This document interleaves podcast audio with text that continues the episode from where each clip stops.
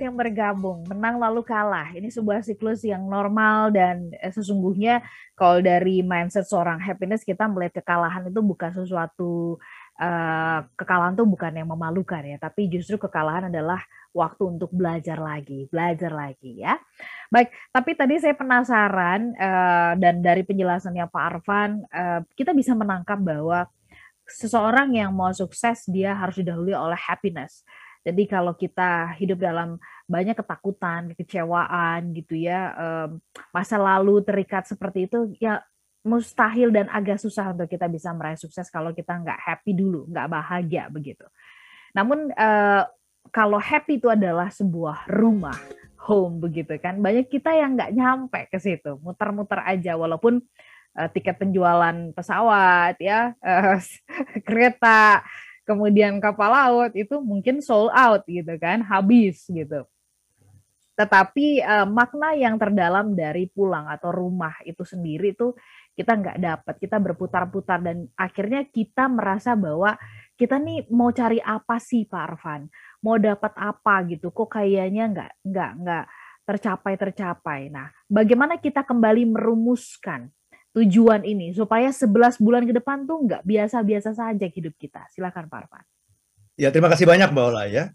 Nah um, selain tujuan tadi, itu tujuan kita harus rumuskan ya. Betul-betul harus kita diskusikan nih. Kita mau ke mana nih? Karena kadang-kadang setiap orang punya uh, sudut pandang yang berbeda gitu ya. Jadi tujuan harus dirumuskan. Nah yang kedua juga selain merumuskan tujuan, kita juga harus mengenali musuh. Mm -hmm kalau kita bicara kemenangan, menang itu kan pasti ada musuhnya gitu. Kalau nggak ada musuhnya, ya nggak bisa menang. Kan seperti itu ya. Bener nggak Mbak Ola? Kalau nggak ada musuhnya, kalau saya lomba lari misalnya, nggak ada musuhnya, ya saya mau menang dari siapa? Kan seperti itu. Nah, jadi selain merumuskan tujuan, kita juga harus mengenali musuh. Nah, sayangnya kita sering kali punya mitos yang salah. Bahwa yang namanya menang itu, menang itu melaw mengalahkan lawan yang ada di luar kita, Mbak Ola. Oke. Okay. Ya. Kalau nggak ada lawannya berarti ya saya mau menang dari siapa. Nah kita lupa bahwa sebetulnya hakikat kemenangan itu adalah mengalahkan lawan yang ada di dalam diri kita sendiri gitu. Okay. Mengalahkan musuh yang ada dalam diri kita sendiri. Musuh yang paling utama itu yang bisa menyabotase tujuan kita, yang adalah. bisa menyabotase target kita adalah musuh yang ada di dalam diri kita sendiri. Nah, mari kita definisikan kalau gitu. Musuh yang ada dalam diri kita ini apa yang harus kita kalahkan dan yang namanya menang itu apa? Nah, ada tiga sebenarnya musuh yang ada dalam diri kita. Dan kalau kita ingat tiga ini saja Mbak Ola, insya Allah kita akan selamat ini. Insya Allah semua tujuan kita akan bisa teramankan gitu. ya Dan target kita akan bisa kita capai. Musuh yang pertama adalah yang namanya laziness. Hmm. Kemalasan. Kemalasan itu adalah ketidakmampuan kita untuk keluar dari comfort zone kita. Itu namanya laziness contoh saya ya, saya ambil contoh saya sendiri deh ya. Kan sebelum bulan puasa itu kan saya selalu uh, jalan kaki pagi pagi hari itu ya. ya. Selalu jalan kaki itu 8 kilo sampai 10 kilo gitu ya. Kalau hari kalau hari biasa tuh 8 kilo. Kalau Sabtu Minggu itu uh, 10 kilo gitu ya. Selama puasa itu agak agak bolong-bolong tuh ya karena kan kalau uh, kalau pagi jalan kan terus jadinya aus kan gitu ya. Mm -mm. Nah, jadi kadang-kadang saya jalan di sore hari menjelang berbuka puasa. Nah, kemarin, nah ini saya eh, setelah Idul Fitri kan saya sudah bertekad bulat ya. Saya harus mulai jalan kaki lagi kan seperti itu. Harus 8 kilo sampai 10 kilo dalam sehari gitu. Saya baru mulai kemarin itu dan rasanya luar biasa tuh Mbak Ola itu ya. Rasanya berat sekali gitu. Luar biasa berat ya. Luar biasa berat gitu karena ada gaya gravitasi ini, gaya gravitasi bantal gitu ya. Iya. Berat sekali gitu. Cuma saya saya ingat ini, saya ingat ini musuh saya ini. Jadi kita harus selalu membayangkan ada sosok. Jadi kalau setiap orang itu kan punya best version, punya bad version ya. Jadi Arvan Pradiansah yang terbaik, versi terbaik, tapi di hadapan saya ada Arvan Pradiansah versi yang terburuk gitu. Yang males, yang nggak mau keluar dari comfort zone, yang maunya leha-leha tidur-tiduran aja gitu. Nah, itu ya. Nah, itu yang harus saya saya lawan dan itu berat sekali Mbak Ola. Tapi ketika saya ingat, ini musuh nih. Ini harus saya kalahkan nih. Nah, maka hari Kamis pagi kemarin, saya mulai lagi gitu ya. Setelah sholat subuh, mau tidur lagi, ada gaya gravitasi bantal. Tapi saya ingat, laziness ini adalah musuh terbesar kita. Langsung saya bangun, ambil sepatu olahraga, langsung jalan. Dan kemarin alhamdulillah untuk pertama kalinya setelah puasa ya, bisa dapat 9 kilo. Wah. Okay. Nah itu itu jadi kemudian saya merasa apa? Wah, saya menang. Dan ketika saya merasa menang itu itu sudah menciptakan sudah merupakan sebuah investasi kemenangan untuk keesokan harinya gitu. Karena saya merasa diri saya berharga. Saya merasa punya achievement gitu. Saya merasa punya accomplishment gitu. Nah, ini penting gitu. Jadi ini ini musuh pertama nih Mbak Ola nih. Yang namanya laziness itu harus kita kalahkan gitu. Musuh kedua adalah yang namanya desire. Desire itu kalau tadi namanya kemalasan, itu laziness. Desire namanya keinginan. Nah ini juga musuh kita ini, keinginan ini. Karena keinginan ini sering kali mengendalikan diri kita gitu. Ya, panca indera kita ini Mbak Ola, kalau digambarkan tuh seperti kuda. Jadi kita itu punya lima ekor kuda Mbak Ola. Nah, kalau kita tidak bisa mengendalikan ini, kita kan adalah kusirnya nih mestinya, mengendalikan ini. Kalau kita tidak bisa mengendalikan kuda ini, maka kuda ini akan menjadi kuda-kuda yang liar gitu ya akan membawa kita ke tempat yang nggak karu-karuan gitu. Menjauhkan kita dari tujuan kita gitu.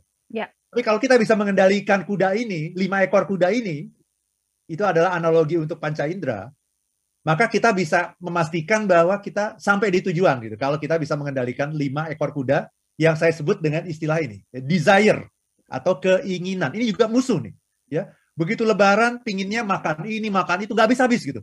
Nggak bisa habis gitu. Kayaknya perut kita ini nggak uh, ada istirahatnya gitu Mbak Ola ya. Nah itu yang yang kedua itu ya musuh kita yang kedua itu. Yang ketiga adalah yang namanya anger. Kemarahan nah ini ya. Ketika kita sudah selesai menahan diri karena tadi menahan diri itu berpuasa itu dianggap sebagai ujian sekarang udah ujiannya udah selesai berarti kita boleh seenaknya. Nah itulah kemudian membuat kita jadi mengumbar yang namanya kemarahan. Kemarahan itu bukan hanya secara langsung, tapi juga banyak sekali di sosial media. Sosial media kita tuh sadis loh, bahwa itu hmm. nggak kayak orang Indonesia kita itu ya. Jadi bu bukan bukan mencerminkan orang Indonesia yang ramah, bukan ramah tapi marah gitu ya. Jadi ya. ya hal ini nih yang harus yang merupakan musuh kita. Mari kita ingat ingat-ingat ini. Kalau kita ingat-ingat ini, insya Allah kita akan selamat mencapai tujuan. Apa itu? Satu, laziness. Kemudian desire kemudian anger. Kemalasan, kemarahan, keinginan. Ya. Itu Mbak Ola. Ya. Baik. Pak Arfan, ada nggak sih uh, trik gitu ya, atau rumus, atau tips barangkali yang Pak Arfan bisa sharing dari pengalaman Pak Arfan sendiri begitu?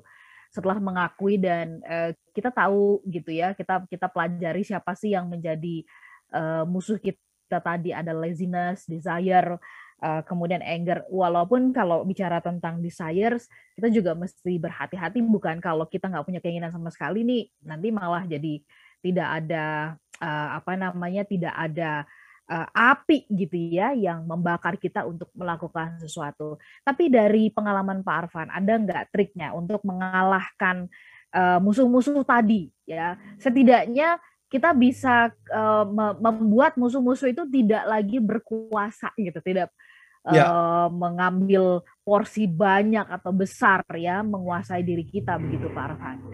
Very good question Mbak Pertanyaannya bagus sekali ya. Jadi tiga-tiganya penting. Maksud saya gini, yang namanya laziness apakah itu penting? Penting. To some extent itu penting. Karena dengan adanya laziness, dengan adanya kemalasan, kemudian muncul inovasi Mbak Misalnya begini, uh, saya males nih, saya lagi nonton nonton TV.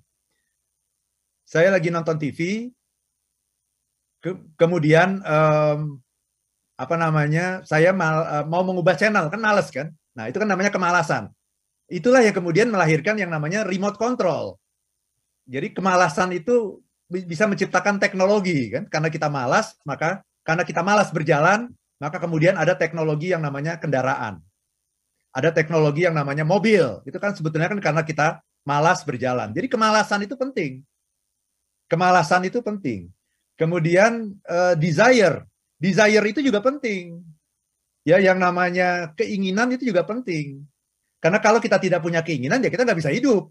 Jadi betul Mbak Ola tadi mengatakan, keinginan itu adalah api. yang bisa menyemangati kita, yang bisa membuat kita hidup. Itu yang namanya desire. Anger juga penting. Nah ini makanya saya punya pelatihan anger anger management. Anger itu juga penting ya karena dengan adanya kemarahan maka kita bisa melindungi diri kita, kita bisa melindungi organisasi kita ya dari eh, hal-hal uh, yang tidak kita inginkan. Jadi tiga-tiganya penting nih. Kemalasan itu penting bisa membuat inovasi, desire itu penting bisa membuat kita bersemangat, bisa membuat kita hidup, bisa membuat kita punya uh, api dalam kehidupan kita. Satu lagi anger juga penting karena anger itu bisa melindungi diri kita dari hal-hal yang tidak kita inginkan. Nah, tetapi kalau ini tidak terkendali, tidak di tidak ada kusirnya tadi ya untuk mengendalikan kuda-kuda ini, maka ini bisa menjadi sesuatu yang berbahaya bagi diri kita. Tipsnya gimana? Tipsnya adalah ketika kita bisa uh, ingat gitu. Tipsnya itu cuma satu, ingat saja. Dan bayangkan di hadapan kita ada tiga sosok itu yang harus kita kalahkan. Itu the bad version of yourself. Versi terburuk dari diri Anda. Ya ketika kita malas, kemudian uh, marah, kemudian kita punya keinginan nafsu yang tidak terkendali. Itu Mbak Ola. Informasikan bahwa uh, berbagai tayangan kami yang lainnya itu kami simpan di YouTube. Jadi ada banyak banget video-video dari narasumber-narasumber yang bagus-bagus yang uh, inspiratif ya. Ini bisa Anda dengarkan, bisa Anda simak. Saya menyapa ada uh, akun Eti Haryani Salam Soto Banjar dari Balikpapan ya. Semoga COVID berlalu usai lebaran. Amin. Atau kalau uh, seperti yang disampaikan oleh pemerintah gitu ya, COVID-nya mungkin tidak bisa hilang gitu, tapi kitanya uh, bisa semakin uh, proaktif ya uh, dengan dengan menguatkan imun ya. Jadi mau bibit penyakit virus kayak apa pun kita tetap strong, kita tetap uh, tough gitu, siap menghadapinya ya. Uh, salam juga untuk smart listener yang ada di Jux Music yang bisa mendengarkan kami melalui uh, perangkat Anda di Purwokerto, di Sampit, kemudian ada di uh, Mandalika, di Lombok, di Bali. Terima kasih sudah bergabung. Kemudian ada yang ada di Medan ya, kemudian di Asahan terima kasih sudah bergabung, di Pontianak terima kasih, di Palangkaraya terima kasih Anda juga sudah bergabung bersama dengan kami. Kami doakan ya selepas uh, lebaran ini gitu ya, doa-doa Anda itu juga tercapai. Ada yang berharap pekerjaannya bisa lebih bagus ya, usahanya bisa lebih maju. Kita doakan bersama-sama ya. Baik, kita melaju lebih jauh, kita sampai di sesi yang uh, terakhir. Monggo kalau misalkan Anda masih ingin memberikan tanggapan ya uh, terkait perbincangan kita, baik melalui WhatsApp di 0812 11 12 959 silahkan Anda bisa kirimkan atau juga bisa melalui Facebook atau juga di YouTube di kanal Smart FM. Kita sambung kembali Pak Arfan bicara tentang menang lalu kalah. Pada saat kita mengalami kekalahan ya, Tadi Pak Arfan mengatakan uh, di awal perbincangan kita itu adalah sebuah proses belajar. Apa sih yang uh, paling atau yang harus kita pelajari supaya kita uh, bisa memperbaiki dari banyak pengalaman ketika kita kalah itu susah banget untuk move on ya seolah-olah kayaknya udahlah ya memang nggak cocok nih jadi pemenang ada tanggapan-tanggapan uh, atau pernyataan seperti itu yang kita sampaikan kepada diri kita silakan Pak Arfan. Terima kasih banyak Mbak Ola. Ini pertanyaan yang bagus sekali Mbak Ola ya. Uh, sebelum menjawab pertanyaan ini, saya ingin juga mengajak teman-teman semua ya yang ingin menciptakan happiness mindset, karena happiness itu nggak gampang ya. Betul. Gimana caranya membuat tim Anda itu betul-betul happy, semangat, antusias, optimis, gitu ya, uh, pantang menyerah gitu. Nah, Anda bisa mengundang saya uh, untuk ngobrol langsung dengan tim Anda. Saya akan challenge tim Anda gitu. Kita akan menciptakan sesi yang highly interactive session ya langsung di perusahaan Anda, di tim Anda, di unit kerja Anda masing-masing. Anda bisa mengundang saya di 0812 123 45 949. 0812 123 45 949 ya untuk acara kick off meeting atau rapim, rapimnas dan sebagainya gitu ya. Nah, eh, kalau kita kalah itu apa yang harus kita pelajari? Ini sebuah mindset juga nih Mbak Mbak Ola. Kalau mindsetnya kalah, ya kita sedih. Karena mindsetnya kalah. Orang yang kalah itu nggak mungkin gembira gitu. Karena mindsetnya kalah, kita pasti sedih, kecewa, dan akhirnya nggak bisa keluar gitu. Karena kita akan muter-muter di situ saja gitu. Karena mindsetnya kalah gitu. Kalau kalah, saya kehilangan sesuatu gitu. Kan kalah itu kan kehilangan sesuatu ya. Kalau menang itu kan mendapatkan sesuatu ya Mbak Ola ya. Kalau yang namanya menang kan saya mendapatkan sesuatu kan. Sehingga saya gembira. Kalau kalah kan saya kehilangan sesuatu. Sehingga saya sedih, kecewa. Ya. Karena itu mindsetnya jangan kalah. Mindsetnya adalah learner tadi, belajar. Oh, kalau saya nggak nggak dapat apa yang saya inginkan, berarti saya belajar gitu. Kalau mindsetnya belajar, itu nggak sempat kecewa, nggak sempat sedih. Kenapa? Karena saya dapat sesuatu. Kan dapat sesuatu itu kan membahagiakan. Kalau tadi dapat sesuatu, dapat kemenangan, itu membahagiakan. Tapi kan ada lagi dapat sesuatu, dapat pelajaran, itu juga kan sesuatu yang berharga sekali itu. Nah, jadi mindsetnya jangan kalah. Dunia ini cuma dibagi dua. Kalau kita tidak menang, kita sedang belajar. Jangan pernah masukkan dalam kepala Anda mindset kalah. Karena kalah itu hanya terjadi di akhir perjuangan. Mm -mm. Kalau sudah kalau udah akhir perjuangan, istilahnya kalau kalau kita nonton film nih, Mbak Ola ya, nonton film tuh akhirnya ada dua happy ending atau sad ending. Ya. Begitu kita kalah, filmnya habis. Berarti kita kalah, itu namanya kalah tuh. Tapi kita kalah di di awal-awal film kita kalah, itu namanya bukan kalah tapi belajar. Gitu. Nah, maksud saya adalah jangan sampai kita kalahnya ketika kontrak kita di dunia ini sudah selesai, udah habis, kontraknya udah habis, kita kalah. Nah, itu namanya bukan husnul khotimah, tapi su'ul khotimah itu. Itu Mbak Ola. Jadi mindsetnya, mindsetnya adalah saya dapat sesuatu nih, pembelajaran apa nih yang lagi saya dapatkan nih, supaya besok saya bisa menang gitu. Itu ya teman-teman semua ya. Jadi um, kalau mindsetnya itu kita kehilangan sesuatu, ya kita pasti akan merasa uh, sedih, kecewa, galau, itu sesungguhnya karena mindsetnya kita kehilangan sesuatu. Jangan itu. Mindsetnya adalah kita dapat sesuatu. Nah, itu akan membuat kita gembira, bahagia gitu. Demikian, Mbak Ola. Melanjutkan apa yang tadi Pak Arfan sampaikan ya. Uh, bicara tentang kemenangan begitu untuk membungkus perbincangan kita di kesempatan pagi hari ini begitu ya. Apa yang kemudian harus dilakukan oleh setiap kita supaya jalan uh, selama 11 bulan ini begitu itu tuh menjadi jalan yang uh, membahagiakan. Kalau tadi Pak Arfan istilahnya adalah happiness uh, membawa kebahagiaan senantiasa sehingga kemenangan demi kemenangan itu pada akhirnya bisa kita raih di setiap pertandingan kalau kita menganggap 11 bulan ini adalah sebuah pertandingan. Ya, terima kasih banyak Mbak Ola. Jangan lupa tiga hal itu tadi. Ya, kemalasan, keinginan, sama kemarahan. Saya tadi katakan tiga-tiganya penting gitu, karena kemalasan akan menimbulkan inovasi. Keinginan akan menimbulkan semangat, daya juang. Kemarahan akan membuat kita mampu melindungi diri kita dari sesuatu yang membahayakan gitu. Jadi kemalasan penting keinginan penting, kemarahan penting. Tetapi kalau kita tidak bisa mengendalikan itu, ya tidak bisa mengelola itu, itu menjadi sesuatu yang membahayakan diri kita. Sehingga kita tidak akan bisa mencapai kemenangan uh, bersama orang lain. Kan ada yang namanya private victory, ada yang namanya public victory. Nah, caranya bagaimana? Tips dari saya untuk teman-teman semua. Setiap hari teman-teman bayangkan diri Anda menjadi pemenang. Visualisasikan diri Anda di pagi hari, lakukan visualisasi, bayangkan bahwa hari ini aku akan menghadapi banyak tantangan dan aku akan muncul sebagai pemenang hari ini. Ya, apa itu tantangan? Laziness, desire, anger.